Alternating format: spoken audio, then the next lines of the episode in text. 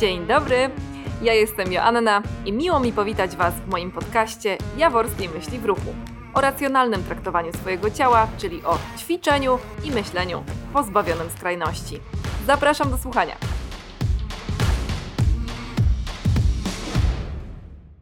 Cześć, witajcie w kolejnym odcinku mojego podcastu. I zaczynam nagrywanie chyba już piąty albo szósty raz. Cały czas jakoś nie mogę zebrać słów na wstęp. I stwierdziłam, że potraktuję go zupełnie z drugiej strony. Oceniacie? Czy oceniacie? Czy wystawiacie oceny? Czy patrzycie i od razu stawiacie jakąś diagnozę dla danej osoby? Ale najważniejsze, czy patrzycie na siebie i siebie oceniacie? Od razu. Patrzycie i pach, ocena. Patrzycie innym razem, ocena. Przypuszczam, że w 99%, jeśli nie w 100%, tak, oceniacie. Bo nasz umysł jest jedną wielką oceniarką i zawsze oceniamy, i to jest absolutnie naturalne, bo musimy oceniać. Bez oceniania tego, w jakiej jesteśmy sytuacji, co się dzieje, nawet teraz, słuchacie tego, co mówię, i od razu w waszej głowie jest ocena. Pozytywna lub negatywna, ok, ale ona się pojawia.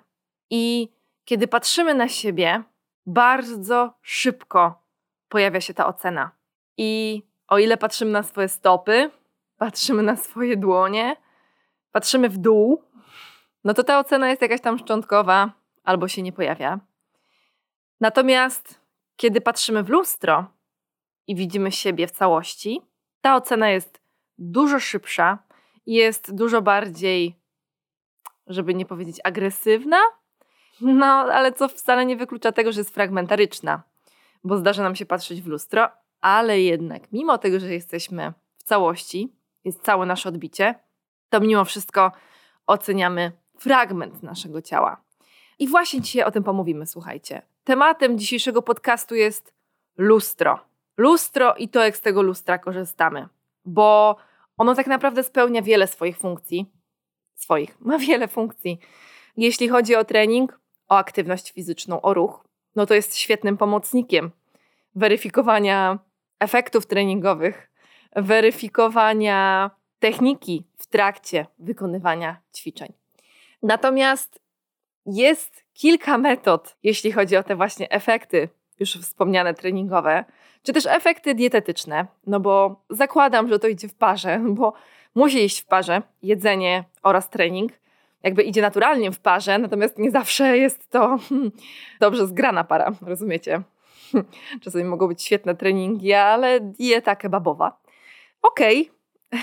to jest kwestia wyboru. Natomiast jeśli chodzi o lustro, które odgrywa tutaj ważną rolę, no to jest jedną z metod oceniania tego, jak nam idzie. Lub też jak nam zupełnie nie idzie, jeśli nie jesteśmy zupełnie w, tak powiem, reżimie treningowym, nie jesteśmy w planie żadnym treningowym, w ogóle nie trenujemy, no to wtedy też to lustro pokazuje nam, hmm, to ciało nie wskazuje na to, żeby było trenowane. Natomiast są jeszcze inne metody. To jest na przykład ważenie się. I tu będzie taka tylko krótka dygresja na temat innych metod, bo stricte przyjdziemy sobie szybko do lustra. Natomiast dlaczego to jest ważne? Chciałabym pokazać Wam, jak bardzo w kwestii weryfikacji swojego ciała możemy spojrzeć z wielu stron, wielowymiarowo, bo możemy spojrzeć na cyferki na wadze i owszem, one świadczą o tym, czy nasza masa ciała wzrasta, czy maleje, a różne bywają cele, czasem chcemy, żeby ona wzrosła i to jest potrzebne. Natomiast wiecie, to na pewno wiecie, skoro już słuchacie mojego podcastu, że fiksowanie się na cyfrach to nigdy nie jest dobra metoda, ani dla naszego szczęścia, ani w ogóle dobra metoda, jeśli traktowalibyśmy ją wyłącznie, jeśli chodzi o trening, plany treningowe i dietetyczne, ponieważ jest to dodatkowy element do pozostałych. Między innymi na przykład mierzenia się miarką, czyli sprawdzamy swoje obwody. I tutaj szczególnie polecam koncentrowanie się raczej na obwodzie w talii, w okolicy pępka, kiedy jest mowa o odchudzaniu, ponieważ e, to jest ten obszar, gdzie rzeczywiście ten ubytek tkanki tłuszczowej jest zauważalny Mm, natomiast ta objętość mięśniowa w tym obszarze nie powinna i nie rośnie, tak jak na przykład w obszarze pośladków czy też ud, gdzie tkanki tłuszczowej może nam ubyć, no ale mięśnie, które zyskają na swojej jędrności, nieco kształcie, objętości i nieco inaczej będą układały w efekcie treningowym, mogą złudnie powiedzieć nam, że jest nas więcej. A wcale tak być nie musi. Kolejny sposób to jest mierzenie się swojego ciała poprzez ubranie, garderobę. I tutaj to jest w porządku, ponieważ patrzymy po prostu, jak dany ciuch się na nas układa. Natomiast chciałabym przestrzec tych, którzy trenują e, siłowo. No właśnie, ta tak zwana rekompozycja mitologiczna, która może w jakimś tam procencie zachodzić w naszym ciele, no ona może też powodować, że ubrania będą się układały inaczej. Tutaj tak wspomnę tylko o swoim przykładzie. Mm, ja na przykład jak zaczynam trenować siłowo, bardzo szybko nabieram tej objętości mięśniowej w udach i w pośladkach, co osobiście bardzo lubię akurat. No ale w tym momencie spodnie, które noszę latem, bo zwykle latem jestem po prostu trochę mniejsza, bo więcej jeżdżę rowerem i tak dalej, no ale dobra, to nieważne. W każdym razie te spodnie zwykle są za ciasne. I to nie znaczy wcale, że uch, zaniedbałam się i przytyłam i jestem gruba i w ogóle, tylko po prostu jest inne to moje ciało. I często mam zestawy swoich spodni, wiecie, trochę większych. No właśnie taki okres i spoko, mi to jest okej. Okay. Także zachęcam generalnie do różnych rozmiarów garderoby w szafie, a nie tylko jednego. I nie przywiązujmy się do tego, to jest tylko rozmiar. Dalej. Yy, możemy też jakoś tam mieć dygresję i ocenę swojej sylwetki, swoich efektów poprzez samopoczucie. Zarówno psychiczne, jak i po prostu czucie ciała. Czyli czujemy się sprawniejsi, czujemy, że jest nam lepiej, że jesteśmy, jest tam wygodniej we własnym ciele. Rozumiecie? Ono jest bardziej funkcyjne, funkcjonalne. Ono lepiej funkcjonuje po prostu. Jest, y, jest nam w nim dobrze. I tutaj y, krótka, taka właśnie znowu dygresyjka.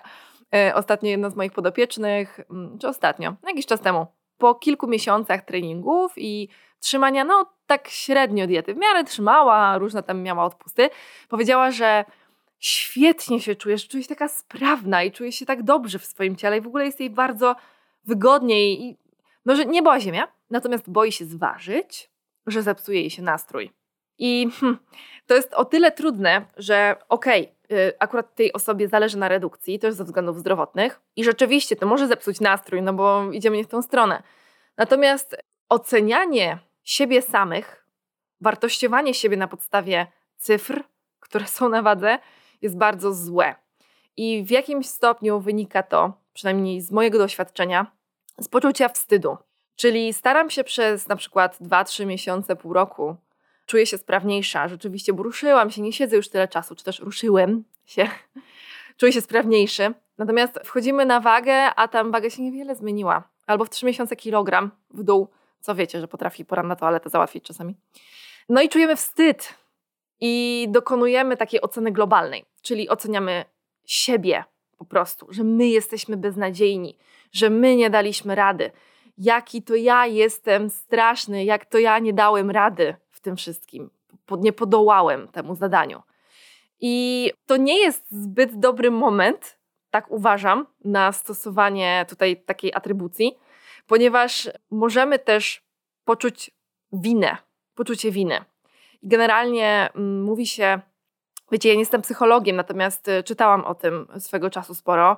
I jeśli chodzi o wstyd, a poczucie winy, to mamy jakieś tam uwarunkowania personalnie do tego, co częściej odczuwamy. Natomiast jeśli chodzi o poczucie winy, to tutaj oceniamy swoje działania. Czyli na przykład czuję się świetnie w swoim ciele, jest mi dobrze, jestem sprawna i tak dalej, jest super, natomiast na wadze nic się nie zmieniło praktycznie. Poczucie winy, czyli kurde, no dobra, trzy razy odwołałam trening z rzędu, no to czyli miałam półtora tygodnia w zasadzie bez ruchu, z jakąś alternatywą, która była dosyć słaba. Kilka razy zdarzyło mi się zjeść fast food albo podjadać słodycze, albo praktycznie codziennie podjadam słodycze. Bardzo małej ilości, ale jednak to robię, co generalnie totalnie psuje ten efekt redukcyjny. Rozumiecie? To jest y, bardzo obszerny temat, którego ja nie poruszę, nie będę tutaj mówiła o tym w tych podcastach, bo nie jestem psychologiem, tak jak mówię, no chyba, że kiedyś zaproszę jakiegoś psychologa tutaj do mnie, tak jako gościa, no to wtedy o tym porozmawiamy. Y, no ale słuchajcie, no i tą ostatnią metodą, już wspomnianą przeze mnie, jest właśnie lustro.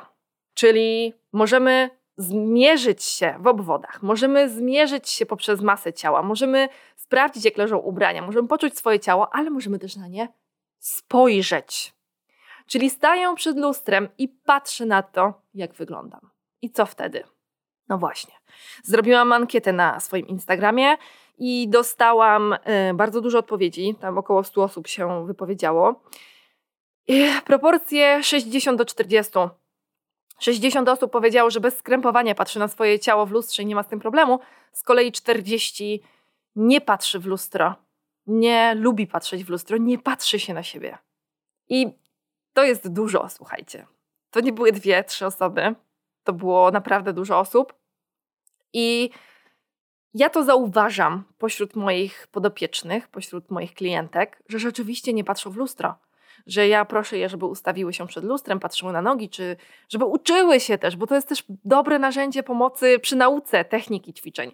Żeby patrzyły, jak pracuje, pracuje ich ciało, żeby się uczyły, jak mają wykonywać dane ćwiczenie. I wiecie, to co czują, żeby mogły zweryfikować z tym, co widzą. Natomiast część z nich mówi, że nie, nie, nie, nie chcę, nie chcę. I staje bokiem, tyłem, gdziekolwiek. Wiecie, ja nie jestem, tak jak powiedziałam już kilka razy, psychologiem, więc ja ich nie zmuszam i nie rozmawiam z nimi, a co czujesz i tak dalej, bo nie mam do tego prawa. Mogę tam jakoś zagaić tylko delikatnie, więc ja chcę, żeby one się czuły komfortowo, więc im pozwalam na to, dobra, spoko, to tylko tu im zwracam uwagę, zrób tak, zrób tak, zrób tak i wtedy, żeby ćwiczyły lepiej. Natomiast ten problem jest bardzo powszechny. No i skąd on się w ogóle wziął? Jeśli chodzi o media, no to bardzo często możemy zauważyć i w jakiś sposób się wzorować na tak zwanym body checkingu. Rozumiecie? Czyli sprawdzaniu ciała. I body checking, to sprawdzanie ciała, pojawia się bardzo często wśród trenerek i trenerów, mężczyzn tak bardzo często w świecie fitness. No i wiecie, sama bielizna, panowie same slipeczki, dziewczyny w, albo w strojach tam fitnessowych, albo też w bieliźnie, odsłaniający brzuch bardzo często, napinający swoje mięśnie. No i jest ten body check, czyli ja sprawdzam się, jak wyglądam przed świętami, rano, w dniu Bożego Narodzenia, mm, czy też Wigilii bardziej. Potem kolejnego dnia pokazuję w lustrze, sprawdzam, jak wyglądam. Czy też sprawdzam, jak wyglądam przed wakacjami i sprawdzam, jak wyglądam po wakacjach. I wiecie, to jest taki straszny fokus na ciele i prezentowanie nam tego, pokazywanie, że zobaczcie, były święta, a ja nie przytyłam, albo nie przytyłem, albo zobaczcie na moje ciało, troszkę jest go więcej, ale spoko, idę właśnie pobiegać, więc będzie go mniej. La la la la. Rozumiecie? Takie przechwałki trochę, trochę tłumaczenie się sobie, ale bardzo często jest to niestety weryfikacja tego, czy ja na tych wakacjach byłam grzeczna, czy ja na tym, e, na, w te święta zasłużyłem na to, żeby zjeść więcej.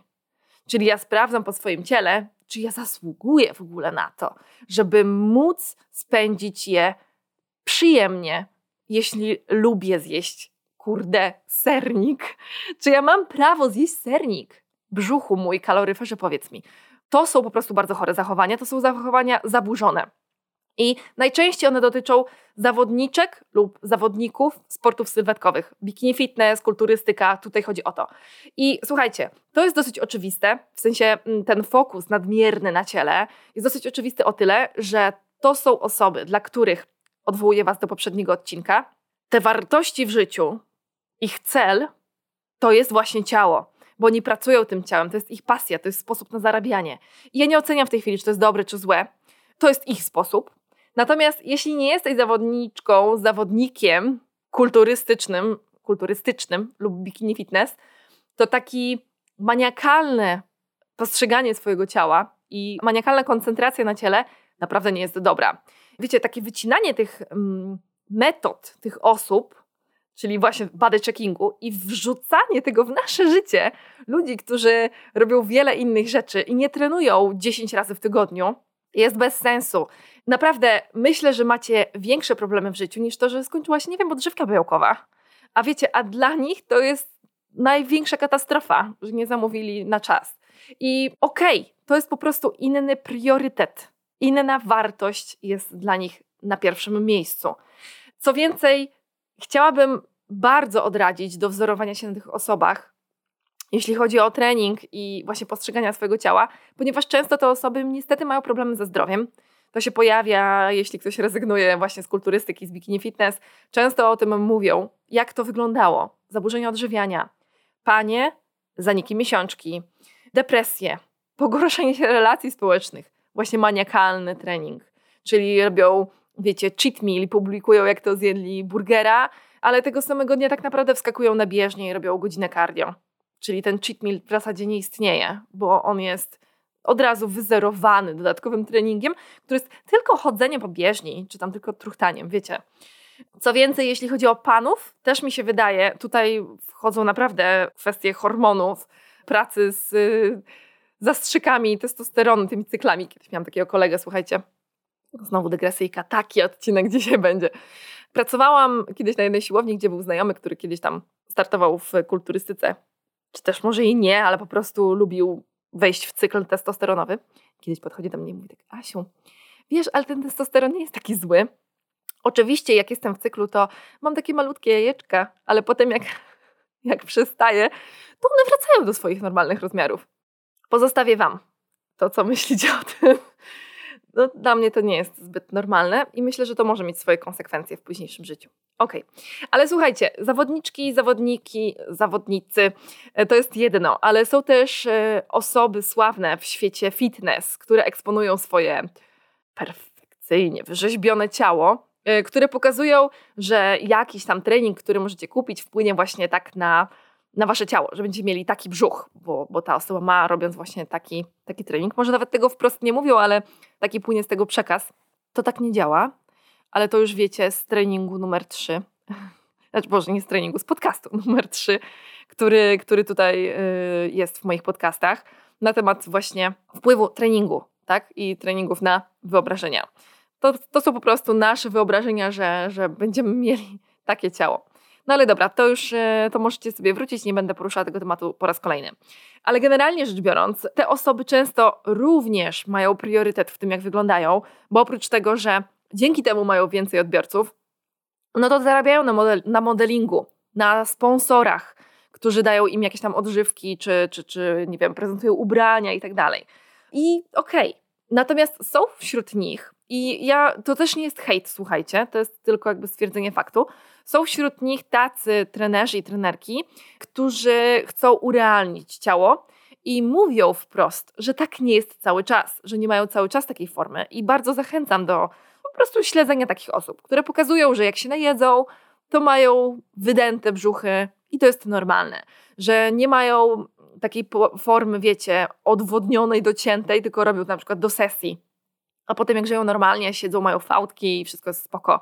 Więc takich osób jest coraz więcej, które chcą pokazać, że Insta Life to nie jest real life, tylko że, że to jest to po prostu, wiecie, moment, to jest dana chwila, kiedy mają tą najlepszą formę. I wy też na pewno macie takie momenty. No ale jednak te negatywne emocje często są dużo silniejsze niż pozytywne i, i bardziej, bardziej koncentrujemy się na tych momentach, kiedy nam się swoje ciało no, nie podoba. Słuchajcie, teraz tak. Ja nie mówię, że bycie szczupłą i wysportowaną osobą jest złe. Nie mówię o tym, że bycie super wyciętym jest niedobre i w ogóle te osoby robią złą robotę. Nie, to jest ich sposób na życie i, i w porządku, każdy ma do tego prawo. Natomiast ta ekspozycja, ten body checking, który jest bardzo często przez nich prezentowany, publikowany, Często oni oczekują waszych komentarzy, polubień. Piszą na przykład, rzucają swoje zdjęcia w lustrze i och, chyba muszę schudnąć dwa kilo. Zdarzają się takie osoby, naprawdę. Ja już je odfollowowałam, ale miałam w swoim gronie na Instagramie. Och, chyba muszę schudnąć dwa kilo, coś tam. I wiecie, i te komentarze, fala komentarzy. Nie, wyglądasz świetnie. Nie, jest super. Co ty gadasz? Jest ekstra forma. O, dzięki, dzięki. Rozumiecie ten dialog? A, no właśnie. Socjale, social media służące ku e, dowartościowaniu się w jakimś stopniu nie jest to nic złego, bo nie ukrywam, że mi też jest miło, jak piszecie miłe komentarze. Natomiast opieranie się wyłącznie na tym i jeszcze w dodatku w kwestii ciała, mm -mm, mm to nie jest chyba zbyt dobra droga. Nie wzorujcie się na tych osobach, proszę. Często te trenerki, które pokazują właśnie siebie, czy też trenerzy, myślę, że tak samo, cierpią na po prostu problemy z zaburzeniami odżywiania, mają problem z tym, jak wyglądają. Dlatego ten body check nie jest dobrą metodą do promowania dla osób zwykłych, tak jak wy. Dobra, i teraz słuchajcie. Patrzycie na takich ludzi w internecie i jako obserwatorzy i obserwatorki, osoby dosyć zwykłe, odczuwacie złość. Złość na swoje odbicie, niechęć przeglądania się w lustrze, uciekacie od patrzenia w lustro. I to ma swoje różne podłoża, bo to nie musi chodzić tylko o to, że porównujecie się do, y, nie wiem, jakichś tam gwiazdek w internecie i przez to czujecie się jak gówno. Tylko może to wynikać też z tego, że nie wyglądacie tak jak kiedyś, że kiedyś było inaczej i tak dalej. To ma swoje różne podłoża. Natomiast nie będę teraz tego analizować. Chciałabym tylko powiedzieć Wam, że jest coś takiego jak terapia lustrami. I to jest bardzo ciekawy temat, który właśnie zbadałam. Czy nie zbadałam, tylko przeczytałam dużo badań naukowych na ten temat. I terapia lustrami to jest stawianie osoby przed lustrem, u której pojawiają się różne emocje w związku ze swoim ciałem, z tym, co widzi w odbiciu. I praca nad tym, co widzi, nad jej emocjami, ma za zadanie, jakby w efekcie, spowodować, że będzie bardziej akceptować swoje ciało, mniej czuć tych negatywnych emocji, więcej pozytywnych do swojego ciała. I wydaje się to w zasadzie absurdalne, no bo mam wrażenie, że te osoby, które nie patrzą się na siebie w lustrze, które nie lubią swojego odbicia, które u mnie na treningach mówią mm, nie, nie, nie chcę, nie chcę, nie chcę, nie patrzą się, no to mają w swojej głowie takie przeświadczenie, że jak przecież będą się patrzeć, to będą wkurzone, niezadowolone. No właśnie, ale dochodzi o tą konfrontację. Przytaczając bezpośrednio Wam badania naukowe na ten temat, słuchajcie, w 2012 roku we Freiburgu w Niemczech, i to jest w ogóle taka ciekawostka, to jest Polka e, pod przewodnictwem dr Moniki Trentowskiej, oczywiście ze swoim zespołem, przeprowadziła badania o tytule Ekspozycja lustrzana u kobiet z objawami bulimi. Jak zmieniają się myśli i emocje w leczeniu obrazu ciała. Bo zazwyczaj to jest rzeczywiście terapia stosowana u osób z zaburzeniami odżywiania. I słuchajcie, generalnie jest tak, że ta ekspozycja cały czas lustrzana nie jest do końca zrozumiana przez badaczy. Cały czas nie wiedzą, na czym polega ten mechanizm, że patrzymy się w lustro i z czasem, z czasem jest lepiej, no bo taka jest konkluzja, to już Wam mogę zdradzić, ale idąc dalej, słuchajcie, zbadano grupę dziewczyn z zaburzeniami odżywiania i, z, i grupa kontrolna, tak? czyli taka, która nie ma żadnych zaburzeń psychicznych e, w związku ze swoim ciałem i z relacjami z jedzeniem. I to było pięć sesji, tak, pięć sesji. I w obu grupach subiektywne dystresy znacznie wzrosły w trakcie każdej sesji, ale zmniejszyły się pod koniec każdej sesji. Co więcej, te negatywne myśli i emocje znacznie spadły z sesji na sesję, a wzrosły emocje pozytywne. Szczególnie u osób z zaburzeniami odżywiania. Czyli u tych, które miały największe problemy, tak naprawdę ten efekt był najbardziej pozytywny. A to było tylko pięć sesji. Słuchajcie. Ta sama pani doktor, pięć lat później, w 2017 roku, przeprowadziła badania, czy habituacja naprawdę się zdarza. Badanie psychobiologicznych odpowiedzi na ekspozycję ciała w bulimii psychicznej. I znowu było 13 bulimiczek, 13 kobiet z grupy kontrolnej. I tutaj nie skupiam się na tej bulimii, bo jakby wy nie jesteście grupą docelową z zaburzeniami odżywiania, ale jest ta grupa kontrolna i to jest strasznie ciekawe, słuchajcie. I podczas tych sesji tutaj w obu grupach zaobserwowano wzrost sympatii do swojego ciała. Czyli tu jest realny efekt. Jeśli chodzi w ogóle o tą terapię lustrami, to ona przebiega w trzech technikach. To bywa ekspozycja prowadzona, czyli tutaj y, jest psycholog, który zachęca i pomaga pacjentowi opisywać to swoje ciało. Tak? I on robi to neutralnie i dosyć obiektywnie. Po prostu patrzy się i opisuje. Jest ekspozycja tak zwana czysta, czyli osoba, która patrzy się na siebie, swobodnie wyraża wszystko. Wszystko to, co czuje, wszystkie swoje emocje, patrząc na swoje ciało. I to jest trudna technika, bo często ta osoba, ten pacjent rzeczywiście nie lubi swojego odbicia. Natomiast właśnie o to chodzi, żeby skonfrontować się z tymi negatywnymi emocjami, żeby powiedzieć wszystko, co się czuje. No i u niektórych osób ta technika rzeczywiście ani ta pierwsza, ani druga się nie sprawdza, w związku z czym wkracza trzecia i to jest ekspozycja z pozytywnym podejściem. Czyli tutaj terapeuta prowadzi tą osobę Chcę, żeby ta osoba wskazała obszary, które mu się podobają, czyli mówi tylko o zaletach. Bo chodzi o to, że często rzeczywiście przy patrząc na swoje ciało, koncentrujemy się na tych fragmentach. To jest to, co powiedziałam na początku tego podcastu. Patrzymy na ciało fragmentarycznie, widzimy tylko wady, w ogóle nie patrzymy na to, że globalnie nasze ciało wygląda, no powiedzmy, okej. Okay. Że są obszary, które są naprawdę fajne, naprawdę w porządku, nawet atrakcyjne. No i chodzi o to, żeby w tej pozytywnym, w tej ekspozycji z pozytywnym podejściem nie mówimy negatywnie w ogóle o wyglądzie. I tutaj są tak samo efekty postrzegane. Natomiast co ciekawe, słuchajcie, znalazłam badanie z 2012 roku z Hiszpanii, e, tytuł ta ekspozycja czysta, a sterowana na lustro w celu y, zmniejszenia niezadowolenia z ciała. I to było badanie z udziałem kobiet z uniwersytetu, czyli to były dosyć młode dziewczyny. I słuchajcie, tu nie było bulimiczek. To było 31 dziewczyn, kobiet, z dużym niezadowoleniem z ciała. Po prostu. One nie były zaburzone. I tu były trzy techniki stosowane, właśnie dwie techniki z lustrem i jedna bez lustra. I okazało się, że ekspozycja tego czystego lustra była bardziej skuteczna niż ta sterowana, jeśli chodzi o zmniejszenie dyskomfortu ciała w trakcie i między sesjami. Chodzi o to, że zachodziła tak zwana silna aktywacja emocjonalna, czyli patrzyły się na siebie te dziewczyny, tej ekspozycji czystego lustra, czyli mówiąc wszystko, co widzą i co myślą.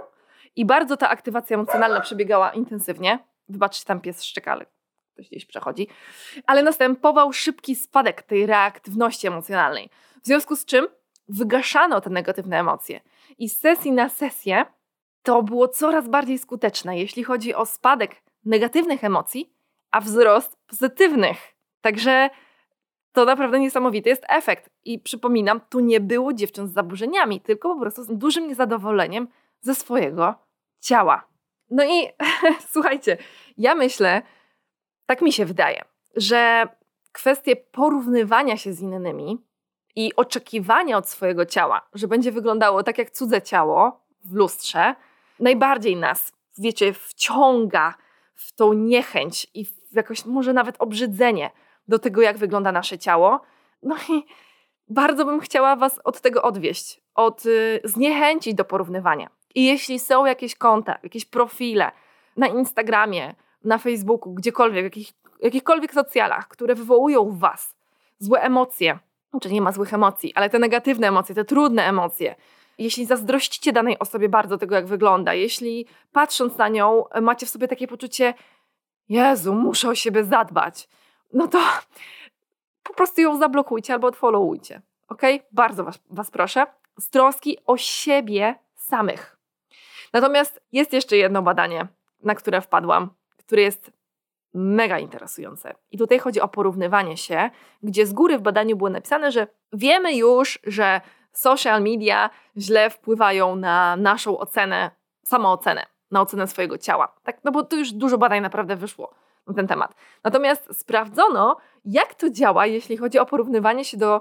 Tu często są kobiety, wybaczcie panowie, często są rzeczywiście kobiety w tych badaniach ujmowane. Porównywanie się do bliskich sobie kobiet tutaj i e, wzięto pod uwagę mamę, siostrę lub e, najlepszą przyjaciółkę, i to badanie przeprowadzono internetowo, więc ono jest może troszkę mniej wiarygodne, bo był to jakiś tam formularz. Natomiast była bardzo duża grupa, 280 kilka osób w 2013 roku, 14, 13 w Izraelu.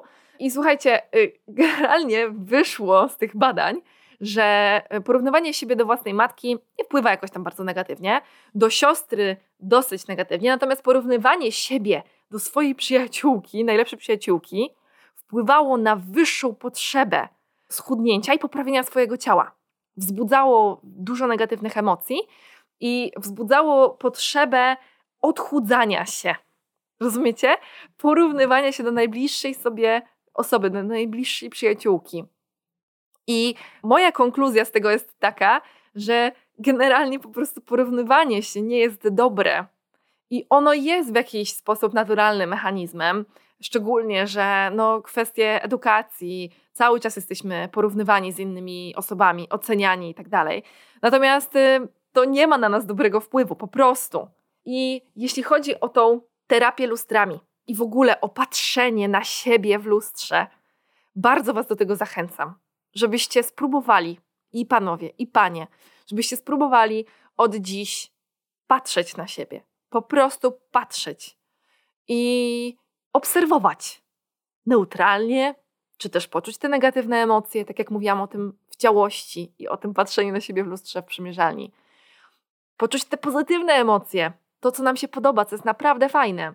Tak samo przytulić się, rozumiecie? Tak utulić, tak po prostu nawet utulić w tym smutku, który czujemy i w tej złości do siebie i przebić sobie samego, samą piątkę.